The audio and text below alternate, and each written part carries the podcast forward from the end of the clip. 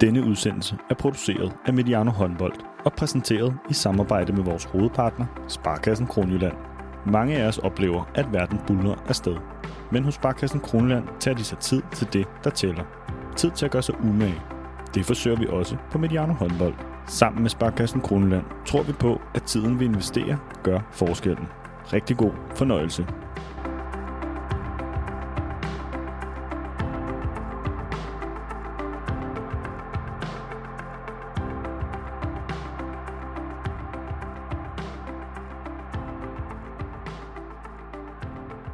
Starter VM for alvor. Jeg har advaret mod den sætning i flere udsendelser. Nu kommer den, men den ligger også måske lige for ved et VM, der har været uden store overraskelser og med få definerende oplevelser, dem vi plejer at tale rigtig meget om. I går i Malmø Arena kom måske en af dem, det skal vi tale om. I alle vores optagter, der har vi været inde på, at det kunne godt ske, at den det indledende gruppespil og hovedrunden blev uden de store, sådan helt medrivende oplevelser, men også at kvartfinalerne bliver fire store brag.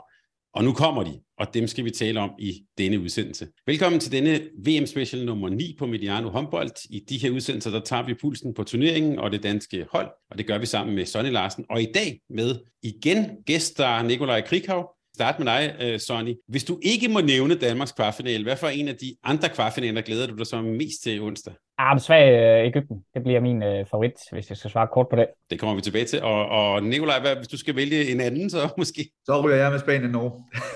ja. det bliver utroligt spændende at se, om Norge kan få knækket koden for alvor. Øh, så, så den ser jeg rigtig meget frem til. Jeg synes også, måske det er den, der ser mest jævnbyrdig ud på forhånd. Så det må blive den. Skal vi diskutere om? Og Nikolaj, du kunne vi se på tv i går. Du var jo i Malmø. Øh, arena. Den kamp skal vi, skal vi lige tale om, men hvis vi bare lige glemmer spillet og, og mere taler om sådan en oplevelse. Hvordan var oplevelsen for dig at være i, i arenaen og i hallen i går? Nå, men det er jo altid rart øh, at lige prøve at se tingene fra den side af lægterne. Det er jo egentlig ikke ret øh, meget tid, øh, vi der spiller to gange om ugen har til at komme ud og se håndboldkampe. Så det var en fornøjelse og, og dejligt at mærke, at, øh, at øh, den del af Danmark jo også øh, er god til at gå til håndbold. Og jeg synes jo, at, øh, at øh, den, den positive stemning i hvert fald var rigtig god. Øh, og så er det klart, at, øh, at kampen den knækkede vel øh, lidt for tidligt til, at det sådan noget at blive rigtig intenst og noget, men, øh, men øh, i hvert fald tydeligvis et publikum, der var begejstret for at se øh, de danske spillere øh, i aktion, og det, øh, det er da selvfølgelig livsbekræftende. Det virkede også som om, at de danske spillere var glade for at være der. Jeg tænker på øh, Niklas Andins tale til publikum efter kampen, men jeg tænker også på øh, den, den gode Mathias Gissel, der lige skulle rundt forbi langsiden, og som jeg så det, så var det lige før, det, jeg ved ikke, om det kostede et mål på et tidspunkt, men øh, der var i hvert fald masser, masser af glæde under, undervejs. Jo, æm... det, er, øhm. det er selvfølgelig klart, at altså, det danske hold er der selvfølgelig super opmærksom på, øh, hvor meget det kan betyde for dem, hvis også de bidrager til, at publikum øh, for alvor, øh, også når der så kommer nød, øh, lægger lidt pres på. Ikke? Så, øh, så der synes jeg bare, at øh, et godt positivt samspil på den del. Det var i virkeligheden en lille genistreg. Jeg ved ikke, om det var hensigten, men den der stærke symbiose mellem publikum og så Niklas Dins tale. Altså det er jo en, det er jo en man bliver sådan lige lidt stolt som dansker, kunne jeg godt mærke, gud, hvor er det egentlig rørende, han lige siger tusind tak og, og siger, hvad det betyder. Uh, det der, det DHF og det danske herrelandshold rigtig stærke i at lave uh, noget, der giver indsigt i, hvad for en landshold vi faktisk har. Øh, og der giver de virkelig, virkelig meget af sig selv. Med det fokus, det er selvfølgelig håndbold, men de giver virkelig meget til Danmark øh, ved at lave de her optagelser og små, små taler og så videre. Det er fantastisk. Nikolaj, vi har startet nogle af de her udsendelser undervejs på, øh, under VM med sådan nyheder fra den danske trup, og i, i går kom der jo så også den, at øh, Mads Hoxer var ude, og Rasmus Lauke og Niklas Kirke var inde, og begge kom også på banen i, i går. Hvis vi lige sådan Øh, bare lige adressere den der, jeg har sagt, personale situationen. Det virker lidt som om, at Rasmus Lauges skade måske skabte sådan lidt rod i butikken, men at der måske er lidt mere, øh, hvad kan man sige, ro på det nu. Eller hvordan ser du, der har været relativt meget udskiftning i, i, i turneringen? Ja, det har der. Øh, og man kan sige, øh, når, når du siger råd, så er det jo i hvert fald rigtigt på den måde, at, at det har været lidt forskelligt, hvilke kompetencer Nikolaj lige har, har kigget efter i, i de rekrutteringer, han så har lavet udefra ind. Altså Damgaard og Kiggeløkke jo selvfølgelig to øh, fuldstændig forskellige spillere, men øh, i den ligning ligger, ligger der selvfølgelig også, at Lasse øh, Møller forsvinder undervejs. Øh, så altså, jeg synes, det virker som om, at man lige har sådan øh, tunet ind, og så kunne jeg godt forestille mig, at det blev de 16 i går, plus, øh, plus Lindberg, øh, som kommer til at køre øh, turneringen færdig. Øh, det har virket som om, at, øh, at opprioriteringen af det defensive, ser med Kirkelykke, øh, ja, fik en rigtig god start i går. Det er svært at forestille sig, at det sådan skal have store øh, rokader fra nu af, med mindre der kommer skader. Så, øh, så nu, øh, nu ligner det, vi er sat, og, øh, og jeg kan egentlig godt lide øh, sådan, som det endte, må jeg sige. Jeg tænker, at øh, Lauke også fik en fin indhop der, og ikke mindst også en opgradering af det defensive. Så øh, så vi øh, står øh, noget stærkere øh, efter at have set øh, det, den, den defensiv, der kom øh, frem der øh, i, øh, i går. Øh, der må vi sige, at vi står noget stærkere til at ramme en, en kvartfinale og gå videre derfra nu. Før vi lige taler øh, øh, lidt Ægypten-kampen øh, igennem, så, øh, så læste jeg i dag på, øh, øh, på svenske medier, den store svenske øh, journalist Johan Flink, som skrev sådan lidt, han skriver nogle gange sådan en lille krønike, kalder han det, øh, hvor han var lidt efter det her øh, format, som vi jo også har talt om med de 32 lande, eller i hvert fald også det her med, at det har været ret forudsigeligt. Altså hvis jeg øh, kigger tilbage på vores optakt, så satte vi jo nogenlunde også øh, navn på de otte hold, vi troede kom i kvartfinalen. Der er kun et hold, vi sådan ikke rigtig har ramt, og det er Island. Nikolaj, har, har det været lidt sådan, hvad kan man sige, et lidt gråt VM så langt? Ja, det kan du godt sige øh, på den baggrund, øh, og vi kan vel i virkeligheden kode det ned til et, øh, et kvarters overraskelse for Ungarn mod Island, øh, ellers så havde det været øh, helt som vi havde regnet med, øh, eller en islandsk nedsmeltning kan vi også kalde det, øh, hvis vi vil have den negative kasket på. Øh, så rent resultatmæssigt, så har det været forudsigeligt, øh, men, øh, men der er også enormt stor forskel øh, på holdene i sådan en VM-turnering øh, i, i de indledende puljer, og jo også fordi, at at der er relativt mange ukvalificerede hold med over i mellemrunden, som vi snakkede om i, i optagspodcasten også, og det betyder selvfølgelig, at, at muligheden for overraskelser er enormt lille. Øh, og så synes jeg, at, at nogle af de der sådan, øh, hold, der skulle konkurrere øh, sådan helt for alvor, det har trods alt stadigvæk været for svingende til sådan for alvor at kunne banke på til, øh, til nogle semifinaler. Men kedeligt synes jeg faktisk ikke, det har været. Øh, og man kan sige, at vi er jo stadigvæk ude i, at, at det er en Kroatien-Ægypten-kamp allerede i runde 1, som er med til at definere vejen for Ægypten, øh, hvor Ægypten leverer helt på top. Øh, Serbien taber trods alt kun med en til tyskerne. Også i, øh, var det anden eller første runde også. Så, så det er jo ikke sådan, det har været ukvalificeret undervejs i de få kampe, der har været noget på spil i. Men, men det er endt relativt godt. Det kan du godt, det kan du godt have en point i. Men jeg synes faktisk ikke, det har været så kedeligt, som jeg havde frygtet. Ja, man kunne så også sige til, måske til serberne, de har, de har været tæt på, som vi også talte om inden, de er der så måske bare ikke helt endnu. Øh, Sonny, skal vi være, altså Island, det, jeg kaldte dem i optakten for hipsterholdet, og sådan, altså er de er lidt skuffet på deres vegne, de har så, at der skader, og det var ikke helt Islands turnering. Skuffet helt klart, det tror jeg, de er. Det er jeg overbevist om, øh, at de er. De havde set sig selv i en kvartfinal, det øh, føler jeg mig overbevist om. De havde øh, alle muligheder. De spillede fantastisk godt mod Ungarerne, og har faktisk kontrol på kampen, men men det minder lidt om noget af det, Norge havde for ja, to slutrunder siden, hvor de lige pludselig nedsmelter til slut med en lille smule kaos omkring, øh, hvilke roller var der lige øh, til slut, og Smarterson var inde i den der Ungarns kamp, og, og han rammer ikke den kamp ret godt, men rammer så senere i turneringen noget rigtig, rigtig fint. Øh, og sådan er det jo i sådan en, øh, en slutrunde. Det er, det er det, vi har oplevet til EM øh, nogle gange, hvor at det er marginalerne, der afgør det. Øh, og det har det været for Island den her gang. De har spillet fint. Jeg tror ikke, de er tilfredse. Jeg tror, de havde set sig Men det hold, de har, øh, den alder, de har, øh, og de erfaringer, de har med i rygsækken, så har de, øh, havde de set sig selv i en, øh, i en kvartfinal, det er helt sikkert. Og, øh, og jeg tror, øh, vi får se øh, dem næste gang igen. De har jo ikke øh, udløbsdato, ret mange af dem, øh, så øh, det er jeg egentlig overbevist om, at, øh, at det er jo marginalt lige præcis på den øh, Ungarns kamp der.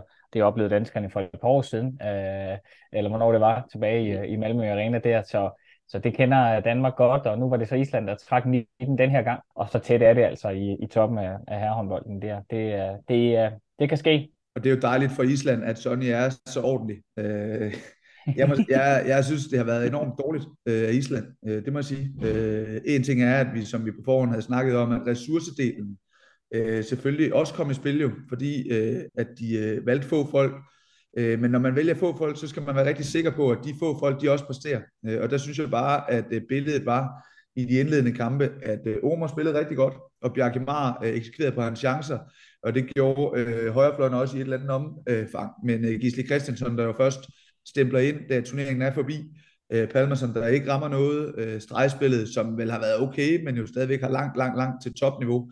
Øh, et, øh, forsøg på stadigvæk at holde Bjørkvind Gustafsson inde i ligningen, i stedet for at bare gå all ind på Victor. Og sådan kunne jeg blive ved. Øh, og, og det er sådan øh, bare for at tage øh, den anden øh, kasket end Sonny. Øh, jeg, jeg synes, at det var et Islands hold, som helt fortjent røg ud af det her VM.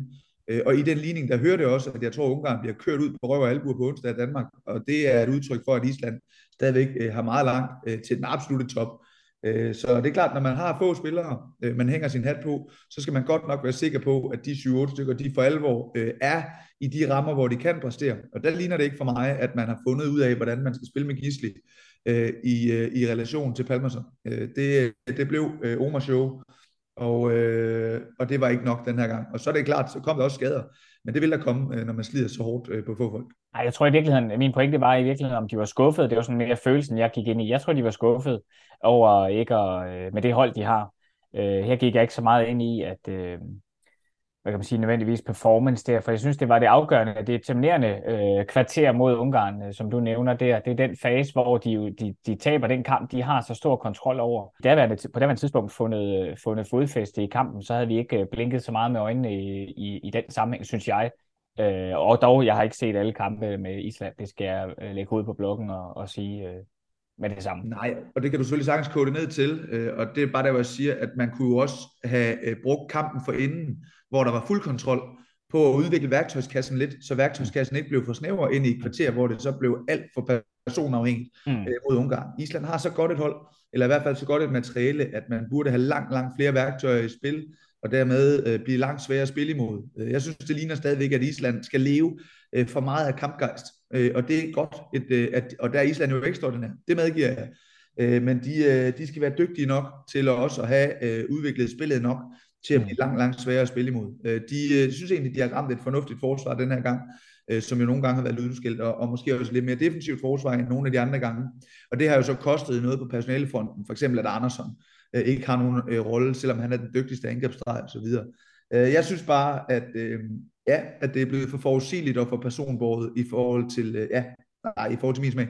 Ej, og kollektivet, det er jeg enig med dig at der, der er et niveau op over. Sådan ser det også, hvis vi skal snakke potentialer og, og, øh, og, øh, og fremtiden. Der, der, er, der er godt nok et spændende materiale øh, til at, at bygge videre på, øh, på nogle af de ting, øh, som de allerede har i forvejen. Og kampgejsten, ja, bevares, men, men, øh, men er rigtigt, at, at der er et spil, der godt kan blive endnu, øh, endnu mere øh, nuanceret og, og der er det måske en lille diamant, de mangler at slippe lidt til øh, rundt omkring. Det kan jeg sagtens øh, følge dig af. Jamen, så lad os sende øh, Island tilbage til vulkanøen. Det lyder lidt hårdt, men, men, men det, det er så det, vi gør, fordi nu skal vi tale om, øh, om de otte hold, der rent faktisk er tilbage. Og mandag aften spillede Danmark som bekendt sin sidste kamp i hovedrunden mod øh, Ægypten. Og Nikolaj, du tweetede øh, undervejs, 7-37 spillet, og vupti, Danmark tilbage som guldfavoritter, hvis nogen tvivlede. Og vores øh, lytter, Anders Fredsgaard, han har spurgt os på øh, Facebook, er det ikke tæt på de bedste 20 minutter, som det danske landshold nogensinde har spillet mod en dygtig modstander i en vigtig kamp?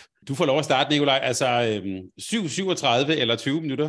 Hvis vi bare lige øh, ja, skærer det ind til det, det var vel en, nærmest en opvisning for Danmark, eller hvad? Ja, det synes jeg, det var. Øh, men når jeg øh, lægger hovedet på bloggen, hvis man kan sige det sådan, på Twitter, så kort ind i kampen, så er det jo ikke et udtryk for, at altså, man kan ikke måle en kamp efter 7 minutter, men jeg synes, jeg så to ting så tidligt, som, som er helt afgørende for den succes, Danmark kommer til at få i den her turnering. Et, man fik lige pludselig fundet øh, den kompakthed og de øh, opbaknings, øh, hvad skal man sige, balancer, som skal til for at give Landin flere fløjskud. Øh, og når Landin får flere fløjskud, så får han flere ting at komme i gang på, og når Landin er i gang, så er der ikke nogen, der kan slå Danmark, øh, fordi Danmark øh, offensivt, øh, selvom det ikke var på top de sidste tre kvarter i går, så er øh, Danmark offensivt øh, et niveau over øh, de andre. Så, så det kommer til at være øh, afgørende for Danmarks succes, om man får fastholdt, også når man møder hold, der spiller hurtigere end Ægypten, øh, valgte at gøre i går, øh, hvis man kan fastholde den kompakthed og den balance, som de havde i går, og få givet Landin alle de fløjskud, som han ikke fik mod Kroatien, så, øh, så har Danmark fantastisk gode muligheder for at gå hele vejen. Øhm, om det lige er de bedste 20 minutter, der skal jo nogle gange øh, to til en tango, og der, der var Danmark for gode øh, for Ægypten i går, men det er selvfølgelig også øh, Danmarks fortjeneste. Øh, men, øh, men Ægypten kom aldrig op i den hastighed, som, øh, som de skulle have haft, tror jeg. Jeg synes, jeg synes egentlig, at Ægypten har spillet bedst, når de også har spillet i stor hastighed. Det så ud som om, at de ikke rigtig turde det mod Danmark. Øh, og det blev, øh, tror jeg, en for stor omkostning for dem at, at tage så meget fart ud. Så ja, Danmark var rigtig, rigtig gode, øh, og det gjorde også, som jeg sagde i starten, at, at kampen knækkede så tidligt, så den måske også tabte lidt niveau øh, resten af kampen, men, øh, men det lever vi fint med. Vi så i hvert fald alle de øh, komponenter, der skal til. Et genfundet midterforsvar, Savstrup, som øh, Malmø Arenas øh, ja, skjulte helt hold. Jeg, altså, jeg sad virkelig, virkelig og blev lykkelig i første halvleg i går over, øh, ikke at han var god, men over at han ikke spiller i Aalborg mere. Det er virkelig godt for alle os andre. Så, så øh, det, var, det var godt for Danmark, og Landin i gang helt for alvor. Det, det lover godt. En, der dog spiller i Aalborg, det er Henrik Mølgaard, altså, som jo med hans øh, fod, og nu slog han også sit knæ og sådan noget.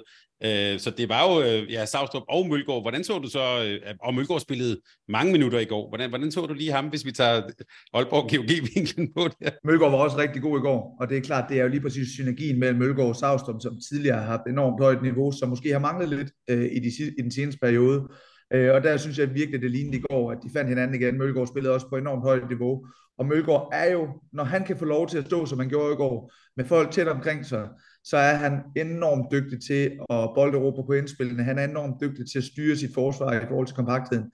Og lige præcis det der med, at Savstrup øh, ja, genfandt hans aggressivitet i går, det så ud som om det gjorde, at Mølgaard øh, så kunne styre løjerne ned bagfra og være knivskarp på at få bolde Europa og få positioneret sig godt. Så Mølgaard var også på absolut øh, topniveau i går, øh, det må jeg sige. Ja, det var det præcis det, jeg ville øh, tage fat på, ikke? At, at det, der er så interessant med Mølgaard versus Simon Hall, det er jo den der, at, at Mølgaard for det første kan rydde op og forudsige noget før. Du nævner indspillene og positionering og forarbejdet omkring streg, det siger jeg, er noget af, hvordan han arbejder med stregspilleren, så man ikke kommer på bagkant. Det er jo ikke fordi, at Simon Hall ikke er stærk, men erfaringsgrundlaget er simpelthen mindre øh, til at positionere sig godt i forhold til nogle af de indspil, der, der kom mod øh, specielt kroaterne, øh, hvor at Mølgaard ikke havde en stor rolle, og måske manglede lidt i anden halvleg. Sige, at der, var, der er Mølgaard helt afgørende. Og så det her med, at, at Mølgaard også kan øh, en lille smule mere på højden, end Simon Hall kan, gør jo, at man i nogle tilfælde kan få... Øh, få, øh, få øget øh, kompaktheden ved, at der faktisk er opbakninger på begge sider af Mølgaard og, øh, og kontra Simon Hall, hvor den bliver tabt lidt længere inden, og dermed straffekast eller skud ind igennem midten. Øh, og det er jo den der lille nuance. Det er jo ikke, fordi Simon Hall er dårlig.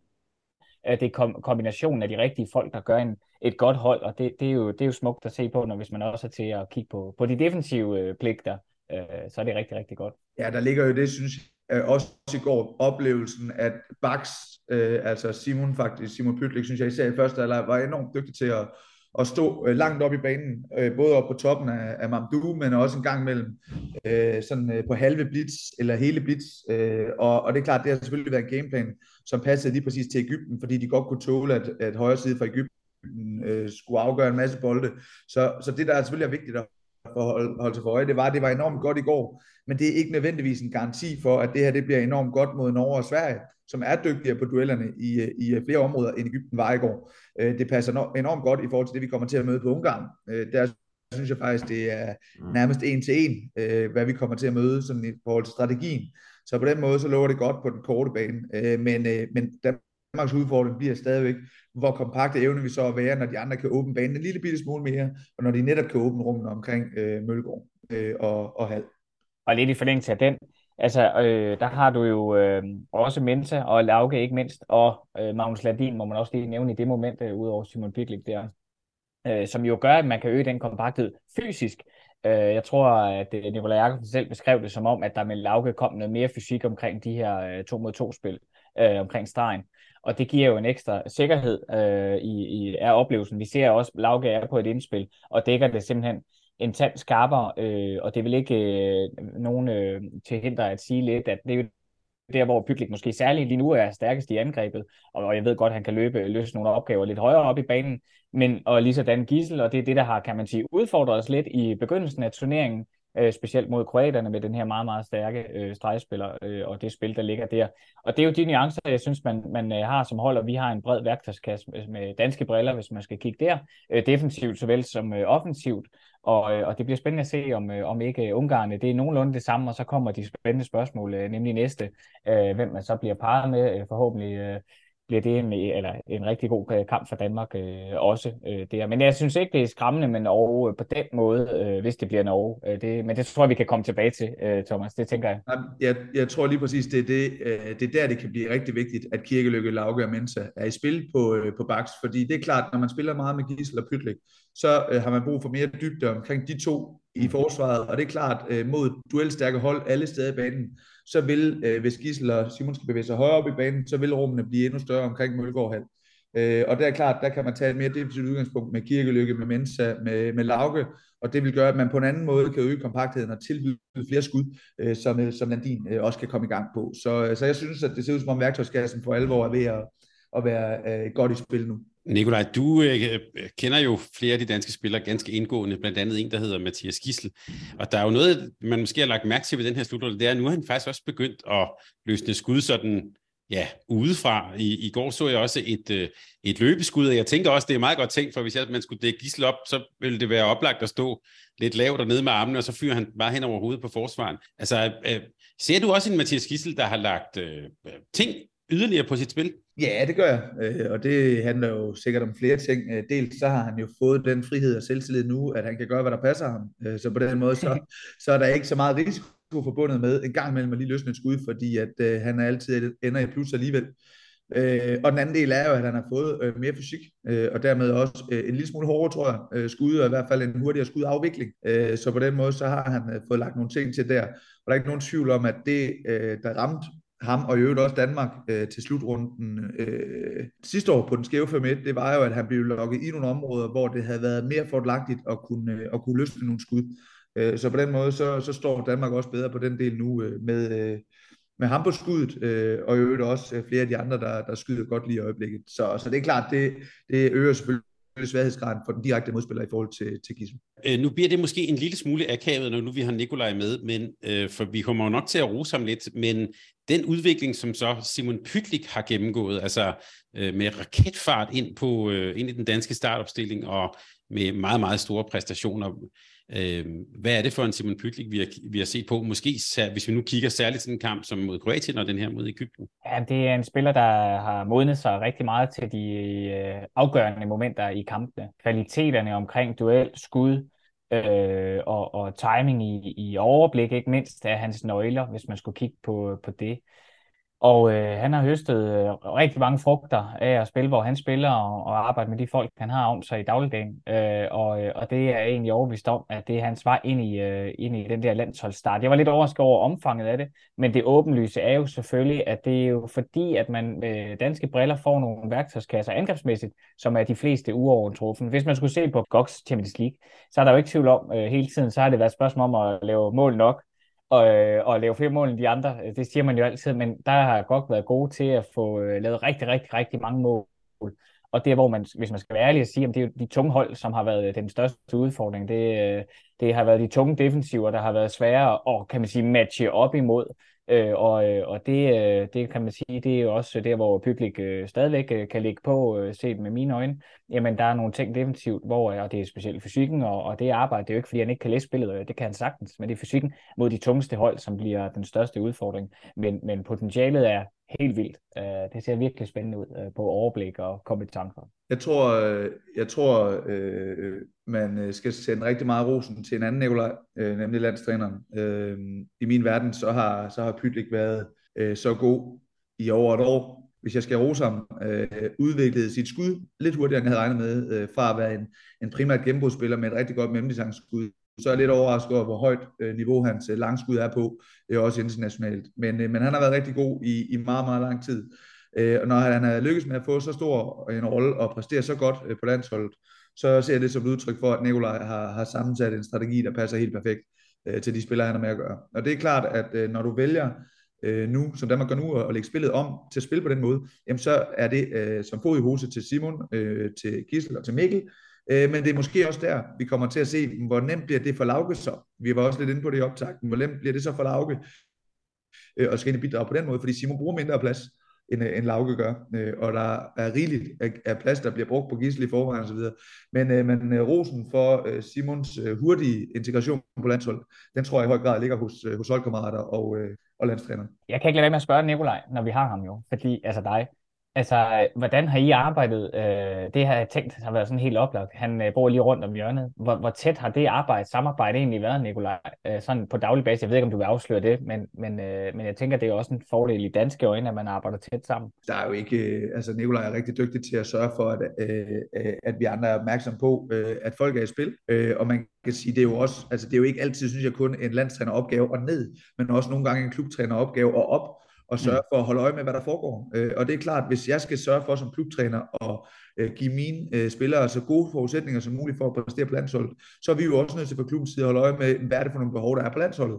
Og i den sammenhæng arbejde øh, hen imod nogle ting, som måske kan blive brugbare også for, øh, for, for de røde-hvide. Øh, så altså, Nikolaj har en fin dialog, og, og jeg synes vigtigst af alt, så er Nikolaj øh, super tydelig, øh, fornemmer jeg, øh, over for drengene i forhold til, hvad det er, han har dem med for, Øh, og det er måske virkelig det, der der er det allermest afgørende, fordi sådan en længere udviklingssamtale og alt muligt andet, jamen, det har vi ikke på det her niveau, og Nikolaj ved udmærket godt, at når vi spiller to kampe om ugen, så er det øh, begrænset, hvor meget overskud vi lige har til at forholde os til en, øh, en mus-samtale med landstræneren.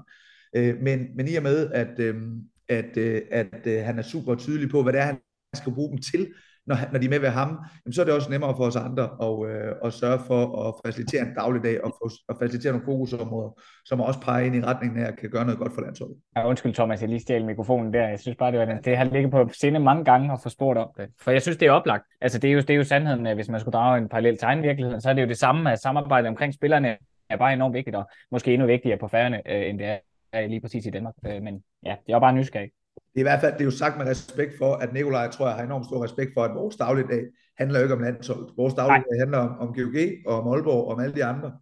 Øh, men det handler selvfølgelig også om, at vi gerne vil dygtiggøre spillerne nok til at komme på landsholdet, men jo primært fordi GOG skal vinde håndboldkampe, og derfor er der bare en fælles interesse i, at spillerne bliver så gode som muligt. Så det er jo ikke sådan, at, øh, at vi øh, prioritere vores dagligdag for landsholdets skyld. Det vil vi gerne, hvis det hænger fint sammen med at vinde vores håndboldkamp. Det gør det heldigvis.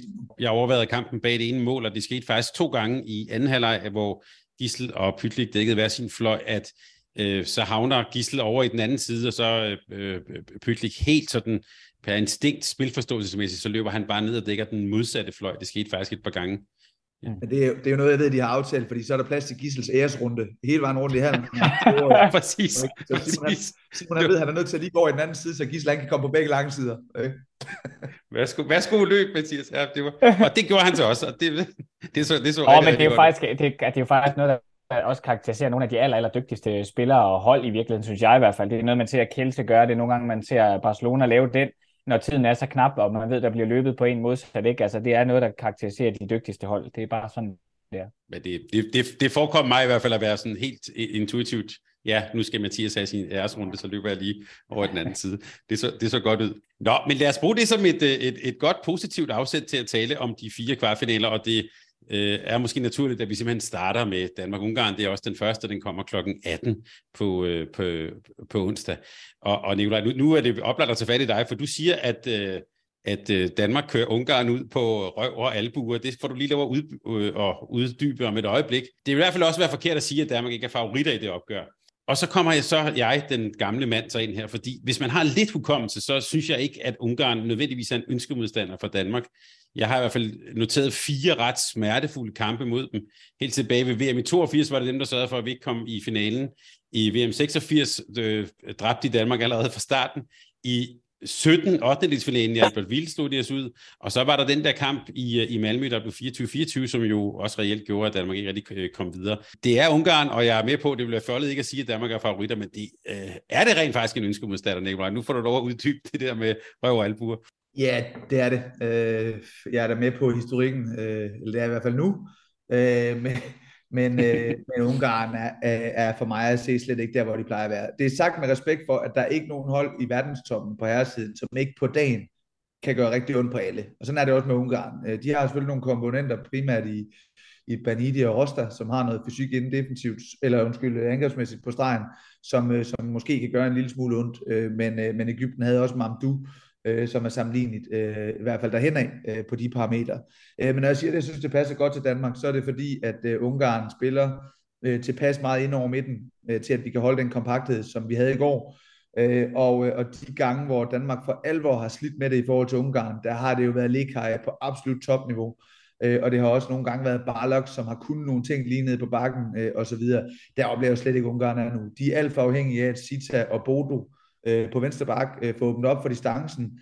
Øh, men det kommer de ikke til kun mod Danmark, fordi at fuldstændig ligesom i går, og det er derfor, jeg siger det sammenlignet, så kommer Savstrup til at overdække det område, fordi at Danmark sagtens skal tåle, at bolden lander over på højre bak hos Ungarn. Øh, så, øh, så Ungarn, øh, for mig at se et relativt forudsigeligt hold at spille mod, og så er der to lavpraktiske faktorer, altså hvordan håndterer vi fysikken omkring stregspillet, øh, og hvordan sørger vi for, at Mikler han ikke kommer ind og får en af hans rigtig gode dage. Det er de eneste ting, der sådan for mig at se kan, kan gøre ondt på Danmark. Og så er det klart, hvis Ungarn er øh, dygtig rent taktisk, øh, og det kunne de godt ske at være med Tjema øh, derude, jamen så, forsøger, så vil de selvfølgelig forsøge at spille en kamp fuldstændig uden tempo og rytme.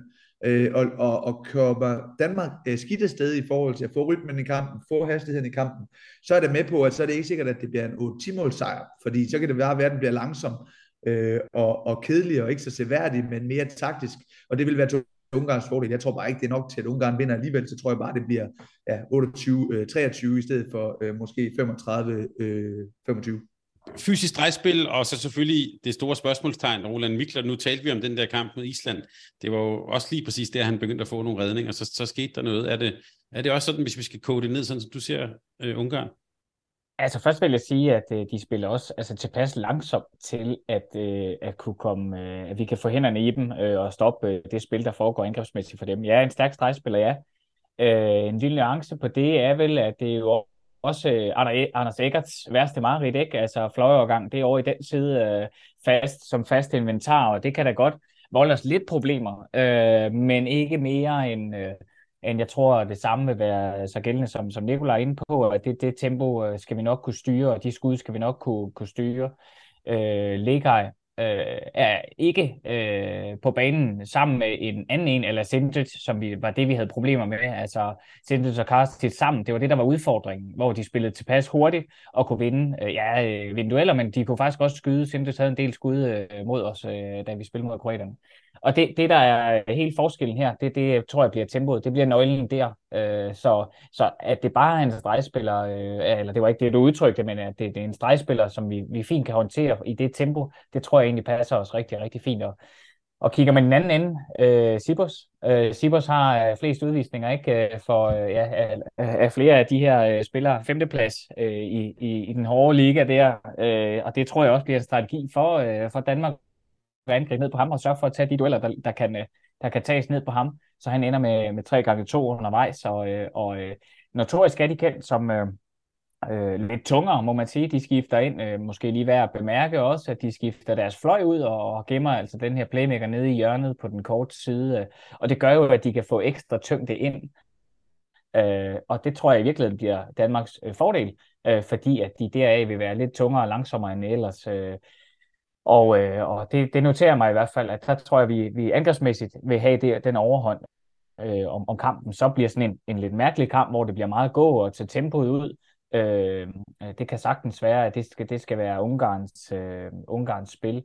Øh, det tror jeg bare ikke øh, bliver deres fordel på den lange bane, øh, altså hen over en hel kamp. Det tror jeg virkelig ikke. Jeg tror, at de, øh, de, skal, de skal have så meget stregspil til at fungere som muligt, og så tror jeg, at øh, den defensiv, hvis de kan få taget duelspillerne lidt ud af, af Danmark her, øh, så kræver det, at de skifter anderledes, end de har gjort, øh, og, så, øh, og så skal Mikla ramme en stor kamp. Det er meget enig med øh, Det kan sagtens være det der. Men han har sgu ikke stået så godt endnu.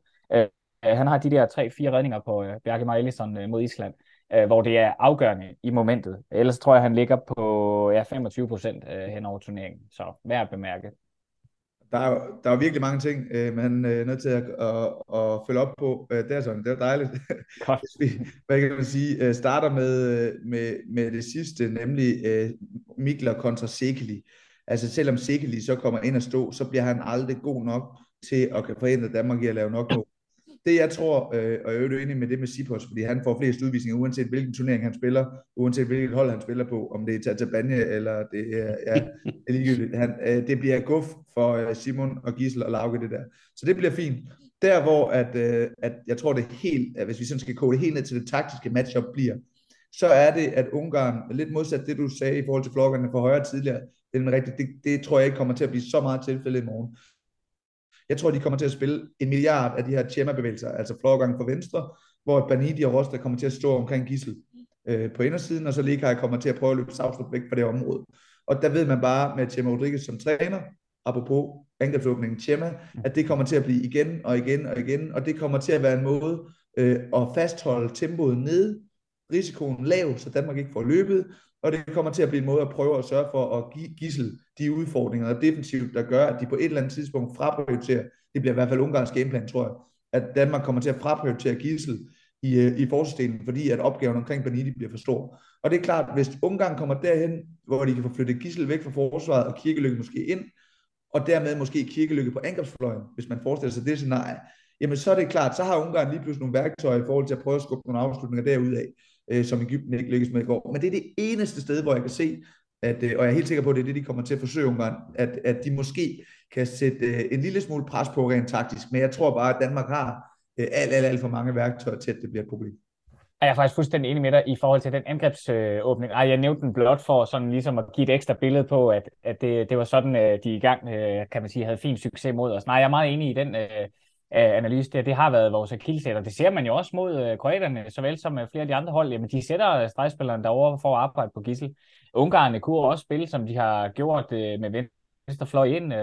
Øh, som du nævner, det er jeg fuldstændig enig i. Øh, der kan godt ligge en hel masse øh, angrebsstarter i det. De havde sådan lidt den gode gamle klassiske også, hvor venstrefløjen kommer op, og så laver de så nedhold, så der kommer og Bodo kan få et skud hen over en eller anden 2-3 zone, der er semiflad.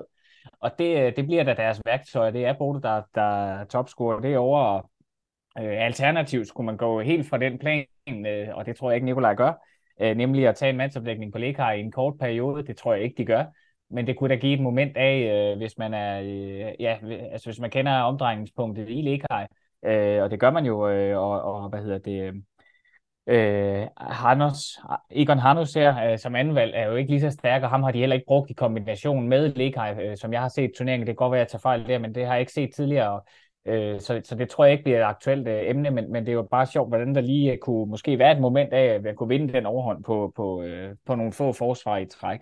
Øh, nej, jeg tror, det bliver det andet, der bliver det primære. Det er jeg fuldstændig enig med dig i. Ja, altså man siger normalt, og det er bare for at tage lytterne, hvis der er nogen af dem, Thomas. Altså, med der er et... rigtig mange her i januar, ja, kan jeg godt rykke. det er jo bare for at sige, altså normalt, hvis Danmark havde haft tre dage til at forberede sig og kunne træne, så vil langt det, de øh, fleste vil vælge, det vil være, at når den fløjovergang fra venstre kommer, så vil man sende sin højre fløj, enten Gisle eller Johan, op over det kryds, Lekaj vil spille tilbage, øh, til Bodo eller Sita, for at undgå, at Savstrup bliver lukket for langt væk fra Gissel. Øh, men det er klart, det er jo lige præcis her, at Danmark måske skiller sig ud, eller i hvert fald skal skille sig ud.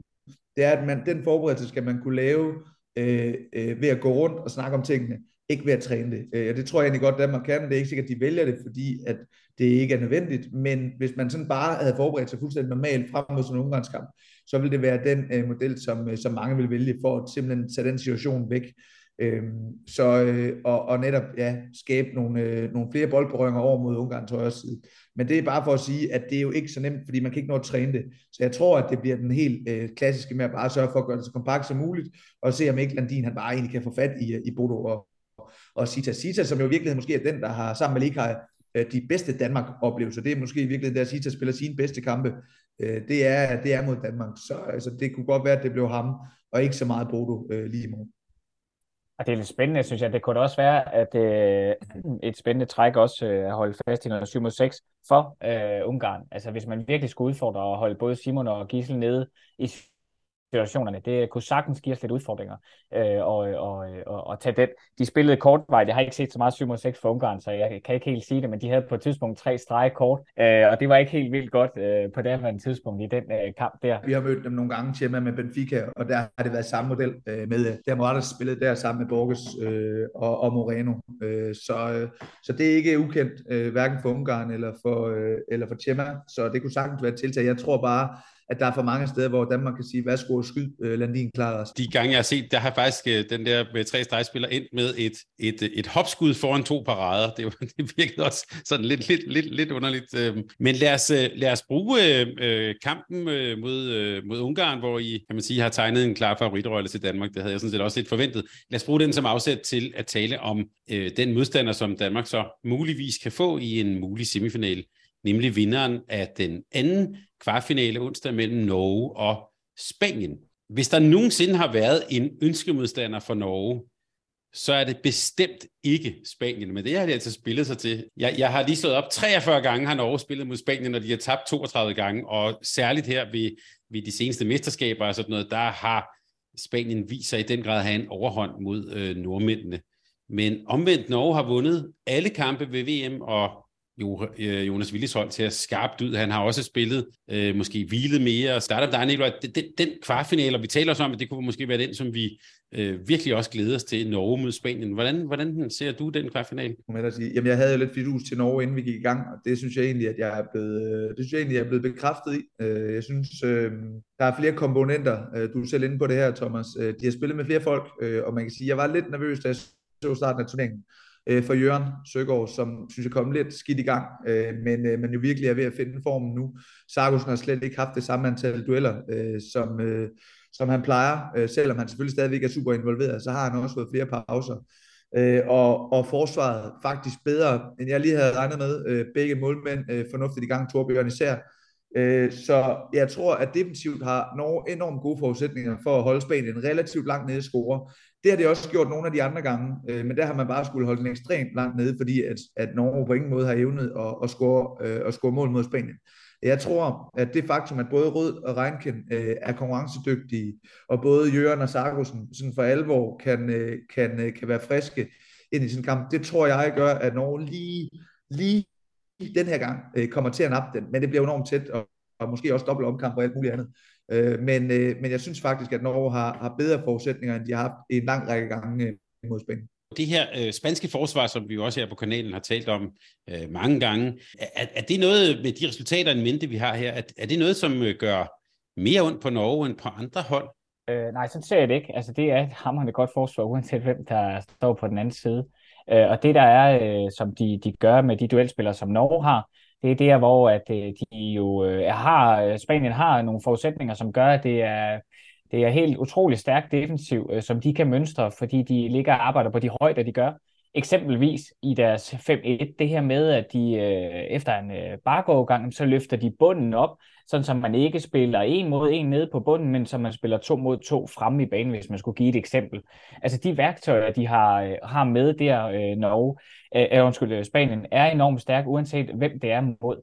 Øh, men det jeg tænker på, jeg tror, der er en faktor, der kommer til at afgøre det positivt til Norge, og det er, fysikken er bedre den her gang hos Norge. De står bredere og bedre ind i turneringen for nuværende, end de, øh, end de nogensinde har gjort. Jeg tror faktisk, det er den eneste faktor, som, som vipper den over i den øh, retning der, øh, til Norges fordel den her gang. Altså, øh, hvis man skulle sådan øh, pinpointe én ting. Når, hvis man kigger isoleret set på øh, Norges angrebsværktøjskasse holdt op imod Spaniens forsvar, så bliver det udfordret Norge. Øh, vi snakker om inden turneringen, jeg synes stadigvæk, at Norge mangler øh, noget kreativitet i deres angrebsspil. Det er enormt meget power, det er dueller, øh, det er også efterhånden lidt krydsspil, øh, men det er langt hen ad vejen borget af power ned i duellerne. Og der er Spanien bare verdens bedste hold til at lokke folk i fælder, øh, til at lokke folk over i de områder, hvor de gerne vil have dem, og i den sammenhæng øh, acceptere nogle skud. Øh, så, så Spanien øh, kommer til at gøre det enormt vanskeligt for Norge. Når jeg så alligevel øh, hælder bare måske, og det er jo ikke mere end 0,8 procent øh, Norges vej, jamen så er det fordi, jeg tror på, at der måske lige ligger tre skud mere på rød. Der ligger måske lige lidt mere overskud på Sargussen i den afgørende fase. Der kommer nogle sindssygt vigtige overtalscases, hvor Norge skal være enormt effektiv. Øh, og så er det også fordi, jeg tror, at Bergerud den her gang kan være øh, øh, på omgangshøjde, eller i hvert fald tæt på med Vargas, som jo tidligere virkelig har gjort ondt på Norge. Med, hvad hedder det, Spaniens måde at, at, at bytte rundt på, så kan vi jo godt tage udgangspunkt i, at det bliver Per Vargas, der, der kommer i hvert fald til at starte til at stå øh, kampen her han har vel den der, Sonny, den der x-faktor, eller det der ekstra Bergerud stod jo også en fantastisk kamp her mod, mod, mod Tyskland, men Peter Stevakas, han er vel en, der kan afgøre turneringer og kampe som den her. Det må man sige ja til. Øh, og, men jeg synes faktisk, jeg vil nævne, at Corrales også har stået rigtig, rigtig fint. De har en stærk duo. De er enormt stærke der, og, og, og det synes jeg, man skal huske her i den her sammenhæng. Øh, og, og det, der jeg synes, der taler for Norge, det er bare det der med, at at Erik Tofte for eksempel heller ikke helt i topform endnu og sådan noget efter hans øh, langvarige skade, øh, men, men det, der helt klart taler for Norge i min optik, det er den, det er den måde, de spiller håndbold på. Der har de fået noget mere luft i at, øh, at, at kunne, kunne det. Og, og de har Øh, udfordringen bliver, kan man sige, øh, Spaniens defensiv, øh, det, øh, om det bliver, øh, hvad kan man sige, en dræber for dem øh, i forhold til kompetencerne, det kan jeg sagtens følge, øh, og det er stregspil, de kan udøve der. Øh, nej, det bliver skuddene, der, der, der kommer til at afgøre det, om Sander øh, Sargosen får valgt det rigtige i de situationer. Det er altså for mig at se, det er jo vigtigt at understrege, nu sidder vi og peger på Norge, altså Spanien er favoritter for mig at se, altså klart favoritter i virkeligheden. Ikke, ikke så klart, som de måske plejer at være, men de er favoritter, og har jo ikke brugt øh, Frankrigskampen til at bruge nogle kræfter på den. Øh, gad de åbenbart ikke øh, at spille. Øh, så på den måde, så, øh, så er Spanien øh, jo, øh, de er også tilfredse med at få Norge, tænker jeg langt hen ad vejen. Øh, så, så det er en fuldstændig åben kamp, øh, og derfor tror jeg bare, at sådan nogle helt små mentale ting som sult øh, kommer til at afgøre det her. Altså Norge må være mere sultne end, øh, end Spanien. Og, og i forlængelse af det, jeg synes, det var skægt at se, at, at, øh, at øh, det her spanske hold faktisk i perioder også lå og arbejdede nogle forskellige træningsøvelser. Han har sagt, de spiller en del mod, øh, 7 mod 6, øh, og, og, og, og det fungerer ikke særlig godt. Og så kommer Duce Bayev øh, ind og, og løfter det her op til det niveau, det skal være på, og får det spil, som det skal være. Øh, og det bliver, det bliver sjovt at se, og det, det er jo interessant, at, at, at Spanien går ind til sådan en slutrunde hver evig eneste gang og ved, jamen vi er indledende, så skal vi dele tiden ret meget. Øh, jeg tror ikke, jeg, jeg ser ikke Spanien som favoritter i den her øh, sammenhæng. Det gør jeg ikke. Jeg ved godt, de har overhånden historisk. Jeg ser, at det, det, er, det er en lille favoritværdighed til Norge med den øh, skiftige spillestil, de har, har lavet, eller, eller brug af mandskab. Øh, der ser jeg overhånden øh, rykke derover, øh, at mandskabet simpelthen har en, en tyngde, som de ikke plejer at have øh, i det norske forvør.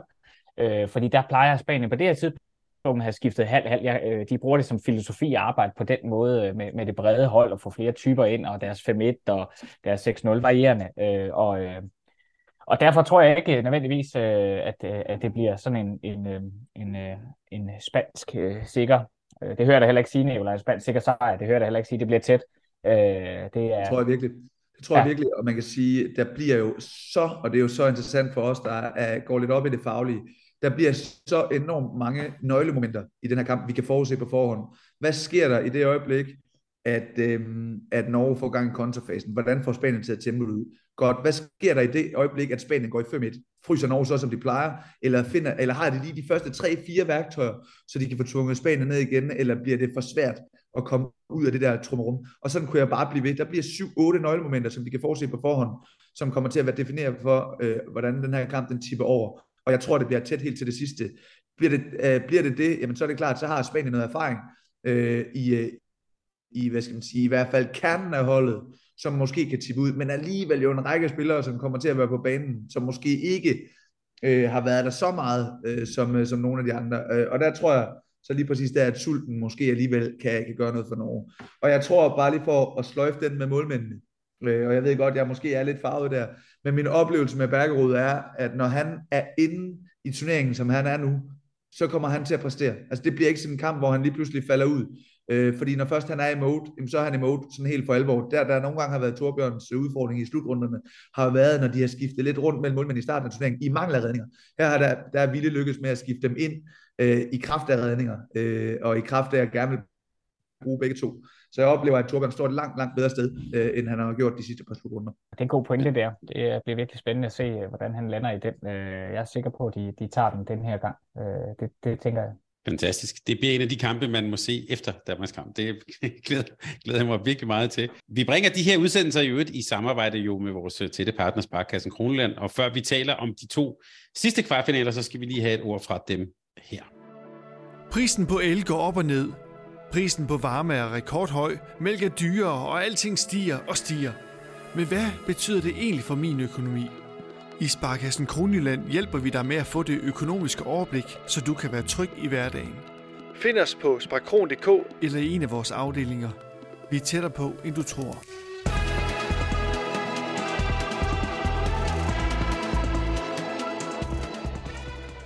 Senere på aften, onsdag, der har vi øh, der starter jo Stockholmsugen, som de kalder det, i, i, i Sverige nu, er hele det svenske show flyttet fra Göteborg til, til Stockholm i den store Tele2 Arena, og der bliver det så Sverige mod Ægypten. Vi går ud fra, at øh, svenskerne var nærmest helt lettet og glade for at undgå øh, Danmark, både spillemæssigt, men muligvis også af hensyn til tilskuer og sådan noget. Øh, så skal, skal Sverige også være glade for, at det blev Ægypten? Er det, er det, er det fint for Sverige? Ja og nej. Ægypten er altså et godt hold. Det, selvom det måske er Danmark, og vi forestiller os, der er vi lidt over gennemsnittet. Altså, øh, på det der niveau, så kan du også godt tabe til Ægypterne, hvis de ikke er skarpe. Øh, og, øh, og faktisk, øh, hvis man skal stille lidt øh, malurt i bade hos svenskerne, så har deres fløje, øh, Ekberg og Vanne, ikke været så skarp, som de plejer fra hjørnet. Øh, altså 61 procent på Ekberg, øh, også lidt i, i kontra, og 71 på, øh, på Vanne fra hjørnet og på straffekast. Øh, så, så de har faktisk ikke været helt skarpe, øh, og, og det får man brug for mod øh, Ægypterne øh, at være, øh, fordi det er en, øh, et godt hold, man møder der, og defensiven bliver sindssygt stærk, øh, og øh, altså hos Ægypterne at skulle bryde ned.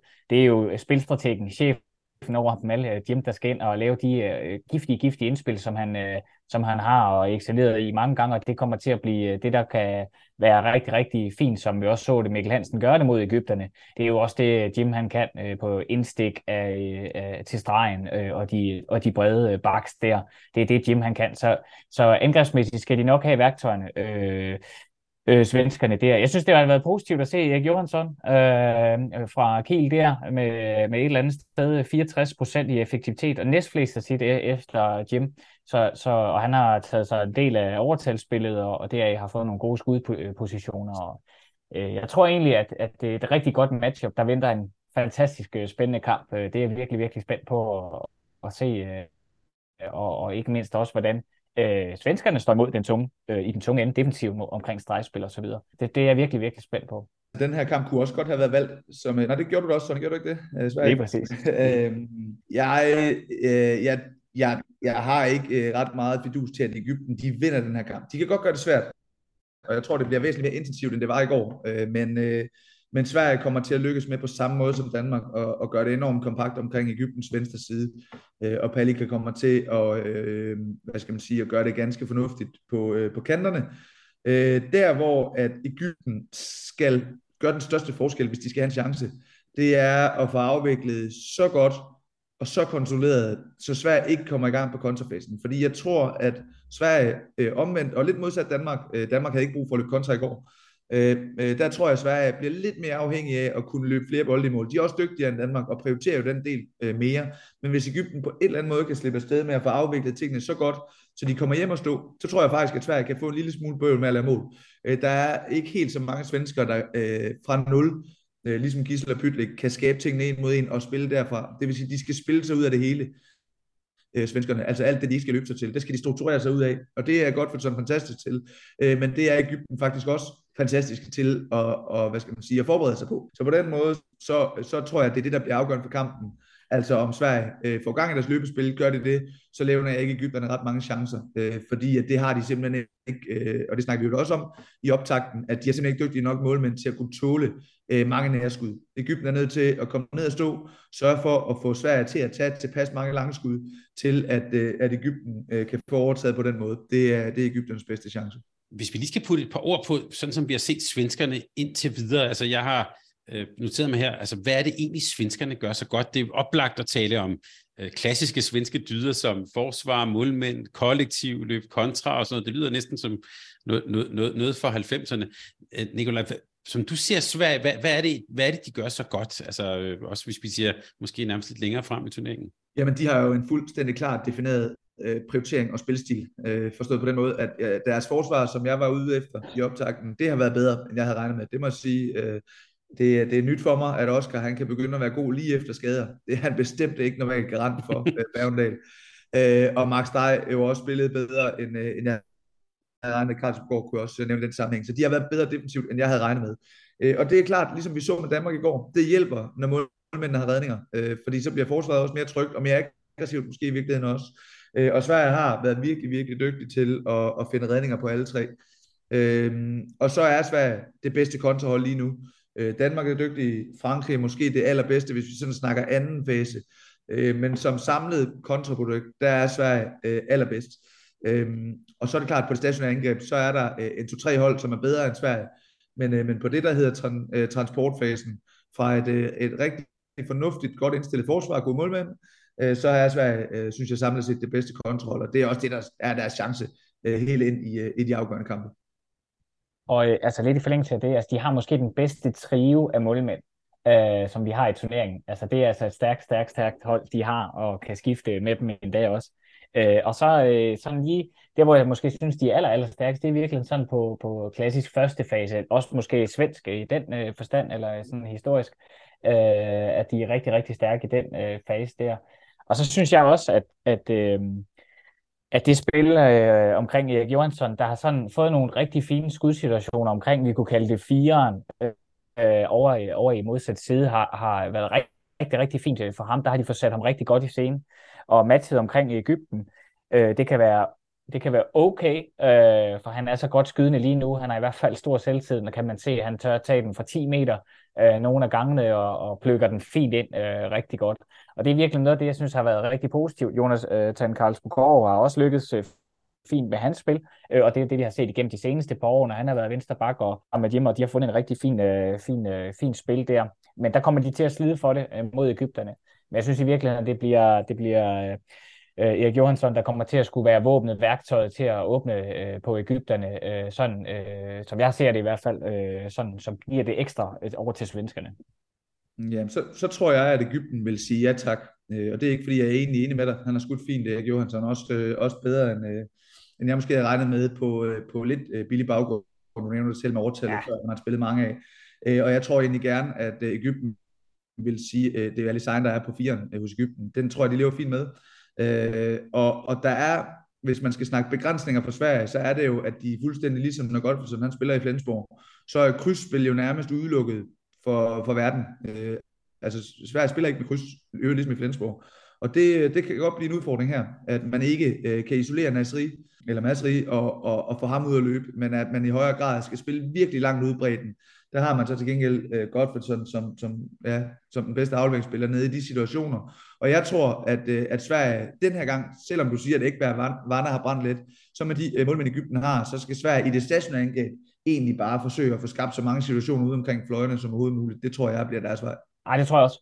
Øh, det er blot for at sige, jeg tror, det bliver en af deres faktorer, og Jonsson har været bedre end det, øh, hvad hedder det, øh, end man lige kunne forvente. Og så synes jeg faktisk, det andet der, hvor de måske, hvis man skulle bringe en nuance ind, øh, Nikolaj, jeg synes, at jeg har set dem spille med krydsene omkring Sandella og Felix Klar, ja. hvor der jo netop ligger noget værktøjskasse i det, som giver noget bredt i spillet, som regel modsat. Vi har set uh, Sandel komme rundt, ligesom han gør i Aalborg, glider igennem mellem ja, to og tre år i modsat side, fordi han slanger sig igennem, og så finder han rummet derovre, eller, eller, eller videre spiller ud bredt derovre. Så, så, ja, så, så det har dog øh, været svenskernes styrke, at de måske øh, i virkeligheden har flere værktøjer øh, med, end bare lige øh, Jim Godfredson den her gang, synes jeg i hvert fald. Det er en god pointe.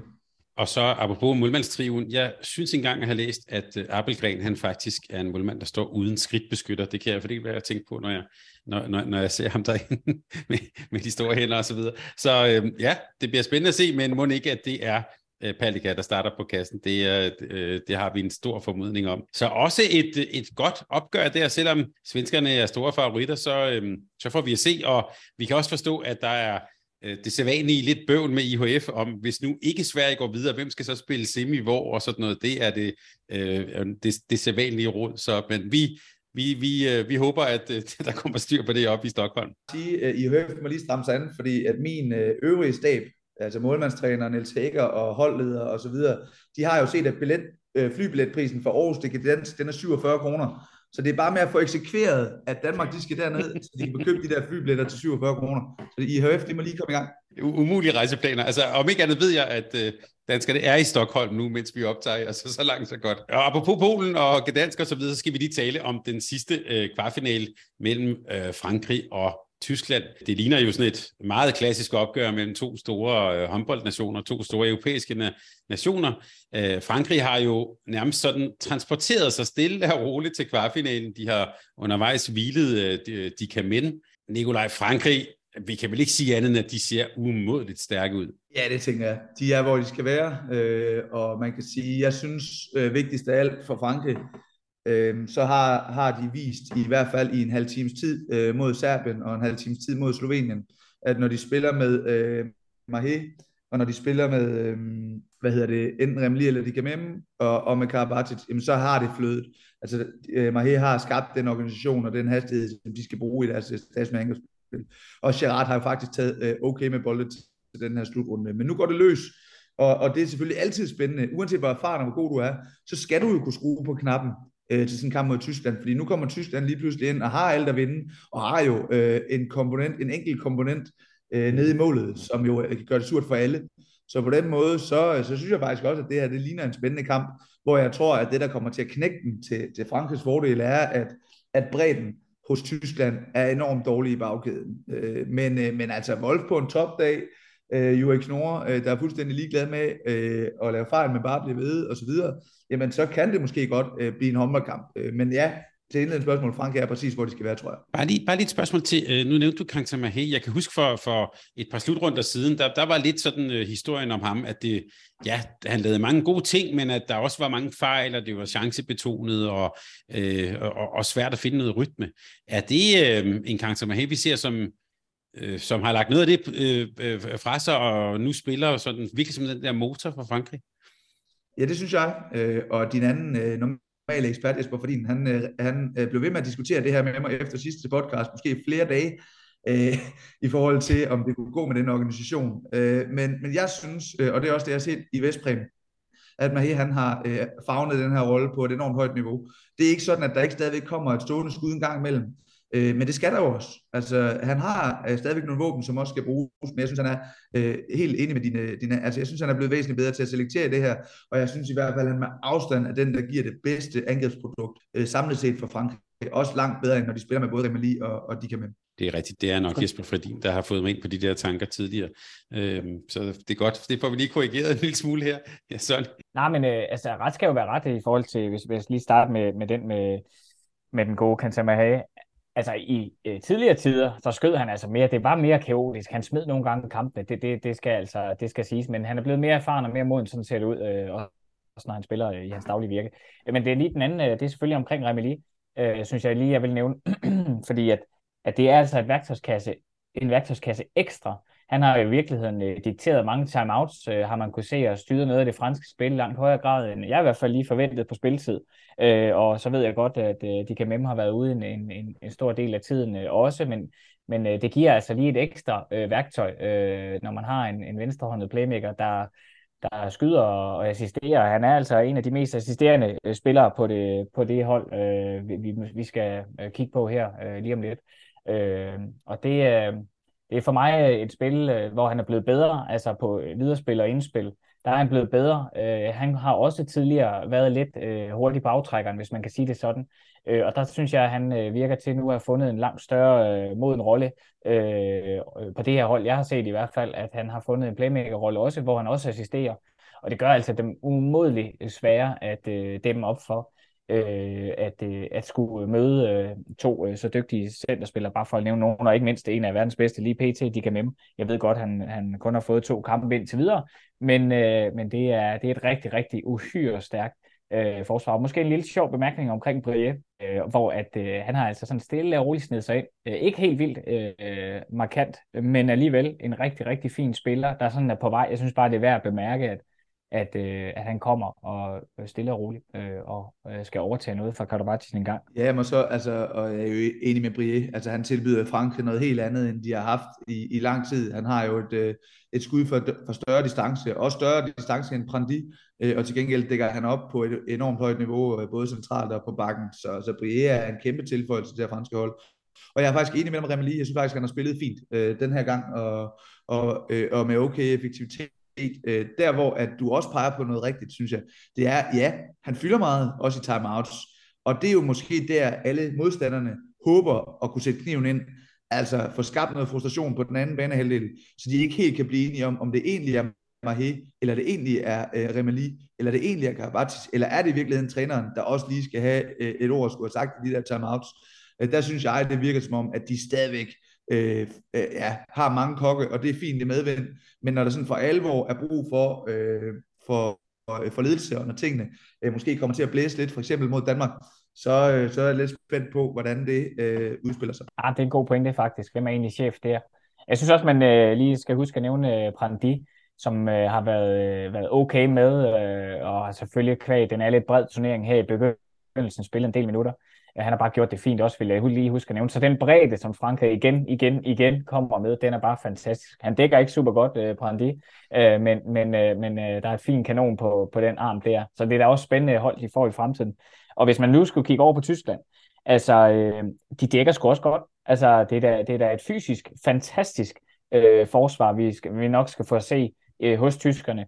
Og hvis man skulle tale tyskernes sag, øh, ja, så skal de have en øh, kamp, hvor at de øh, får kontrolleret så meget på, på Frankrig, at de ikke kan løbe, øh, ligesom vi snakker om med foregående øh, case, at de spiller deres angreb så effektivt, så effektivt, så der aldrig bliver noget at løbe på, så de kan lave øh, de skift, der skal laves med Knor, og så, øh, og så være lige så stærk, og lige så stærk på målet, ikke mindst. Altså defensiven øh, for øh, Frankrig er måske lige en, en tand bedre, det den. Øh, jeg kan se i statsen, at Fabregas ligger og stjæler de her 10 bolde ind til videre. Remeli har bare lige 6, bare lige for at nævne nogen. Og det er jo der, hvor Spanien og Frankrig minder lidt om hinanden for mig. De værktøjer, de har øh, i, i, i posen, er øh, øh, enormt effektive. Og det, det er det spil, der kommer til at blive. Jamen, Knorr bliver han lige lokket til det her lidt sløje indspil, som vi har set en del gange, øh, når han kommer lidt øh, under pres eller bliver træt. Jo, så vipper den over til, til Frankrig lige der med, med det samme. Og det bliver spændende at se, om, øh, om øh, han, han kan tage et ekstra skridt, øh, Joachim Knor, i den her sammenhæng. Fordi gør han det, så har de muligheden for at være med til slut. Øh, og så bliver, som du siger, hvem er egentlig chef over på den anden side? Kan de smide et par bolde? De kan memme lidt hurtigt på aftrækkeren, og så videre, så videre, så videre. Så har man en chance til aller, aller sidst. Og det, øh, det kunne virkelig være spændende at, at komme derhen til med den kamp her. Men det tror jeg ikke. Jeg tror, Frankrig dræber den øh, tidligere øh, på deres kontra. Det tror jeg. Ja, men jeg, du peger på de rigtige ting i min verden, Tommy. Altså, Tysklands chance er selvfølgelig, at Golla øh, og, øh, og Køster kan være tilpas store til at få lukket Remeli, øh, øh, og, øh, og de kan med dem til at tage nogle langskud, øh, som Wolf har en fornuftig chance for at stå i vejen for. Jeg synes, de har, de har stået fint øh, defensivt. Tyskerne har øh, mulighed for at stå relativt fladt, også mod Frankrig, tænker jeg egentlig. Så skal de leve med, at der kommer nogle, øh, nogle langskud ned, øh, som også går ind, men de kan ikke begynde at ligge og give store rum. Øh, så, bliver det noget, så bliver det noget rod for dem. Øh, og så tror jeg, at det bliver sådan en kamp, hvor de første 20 minutter, der kan øh, jo det hele, øh, og Tyskland øh, er med i kampen. Der kommer til at stå øh, 9-9 eller 10-10 eller et eller andet. Men lige så snart, at øh, der skal til at gives lidt pause, så knækker kampen. og det er tilbage til min pointe om, at Tysklands bredde er for dårlig. Øhm, og jeg er med på, at, at Weber kan komme ind øh, en gang imellem og gøre det fornuftigt. Øh, men han har ikke spillet på top, og slet slet ikke, øh, hvis man skal til at spille med Witske eller med Ernst øh, eller med Steiner det jo i den anden side, jamen så er der simpelthen ikke værktøjer nok til at skabe chancer. Så det bliver noget med, at når, øh, når enten trætheden sniger sig ind øh, hos Knorre, eller øh, når de øh, begynder at skifte ud, så bliver fejlene for mange, øh, og dermed øh, de øh, alt for mange franske øh, kontomål. Det vil også være mit bud. Så vi har altså en øh, fransk favorit i den. Vi har måske en, en øh, svensk favorit. Øh, vi har en Ja, hvad? Norsk, spansk, det får vi at se. 50-50. Og, 50 ja, og, det, synes jeg, det synes jeg er så fint. Og, øh, og så har vi også en, en dansk favorit. Så lige for at lave en kobling tilbage til noget af det, vi startede med at tale om, det går måske også nogenlunde, som vi har forudsagt. Men øh, lad os nu se, om ikke der kommer noget undervejs. Sonja Nikolaj, tak fordi I vil være med til at, at bage lidt op og lave lidt preview på de fire kvartfinaler. Det har simpelthen været en kæmpe fornøjelse. Og i lige måde. Vi glæder os til at øh, følge op på det her og optage senere igen på ugen omkring øh, de semifinaler, som vi øh, kan til frem til. Tak til øh, alle jer, der lytter med. Det har været en fornøjelse og også meget motiverende for os at se, hvor mange der er med os her i, øh, her i januar. Og også tak til Sparkassen Kronland for at gøre alt det her muligt. Vi øh, høres ved senere på ugen. Endnu en tak, fordi I var med i to, og gode kvartfinaler til alle jer, der ser med og lytter med. Tak fordi du lyttede til en podcast fra Mediano Håndbold. Hvis du kunne lide udsendelsen, så husk at abonnere på Mediano Håndbold, der hvor du hører din podcast. Så får du den seneste udsendelse serveret direkte til dig. Du må gerne fortælle dine venner om os, og husk at følge os på Facebook, Twitter og Instagram. Mediano Håndbold kan lade sig gøre på grund af Sparkassen Kronjylland. De er med Mediano Håndbold og det kvindelige danske landshold. Tak fordi du lyttede med.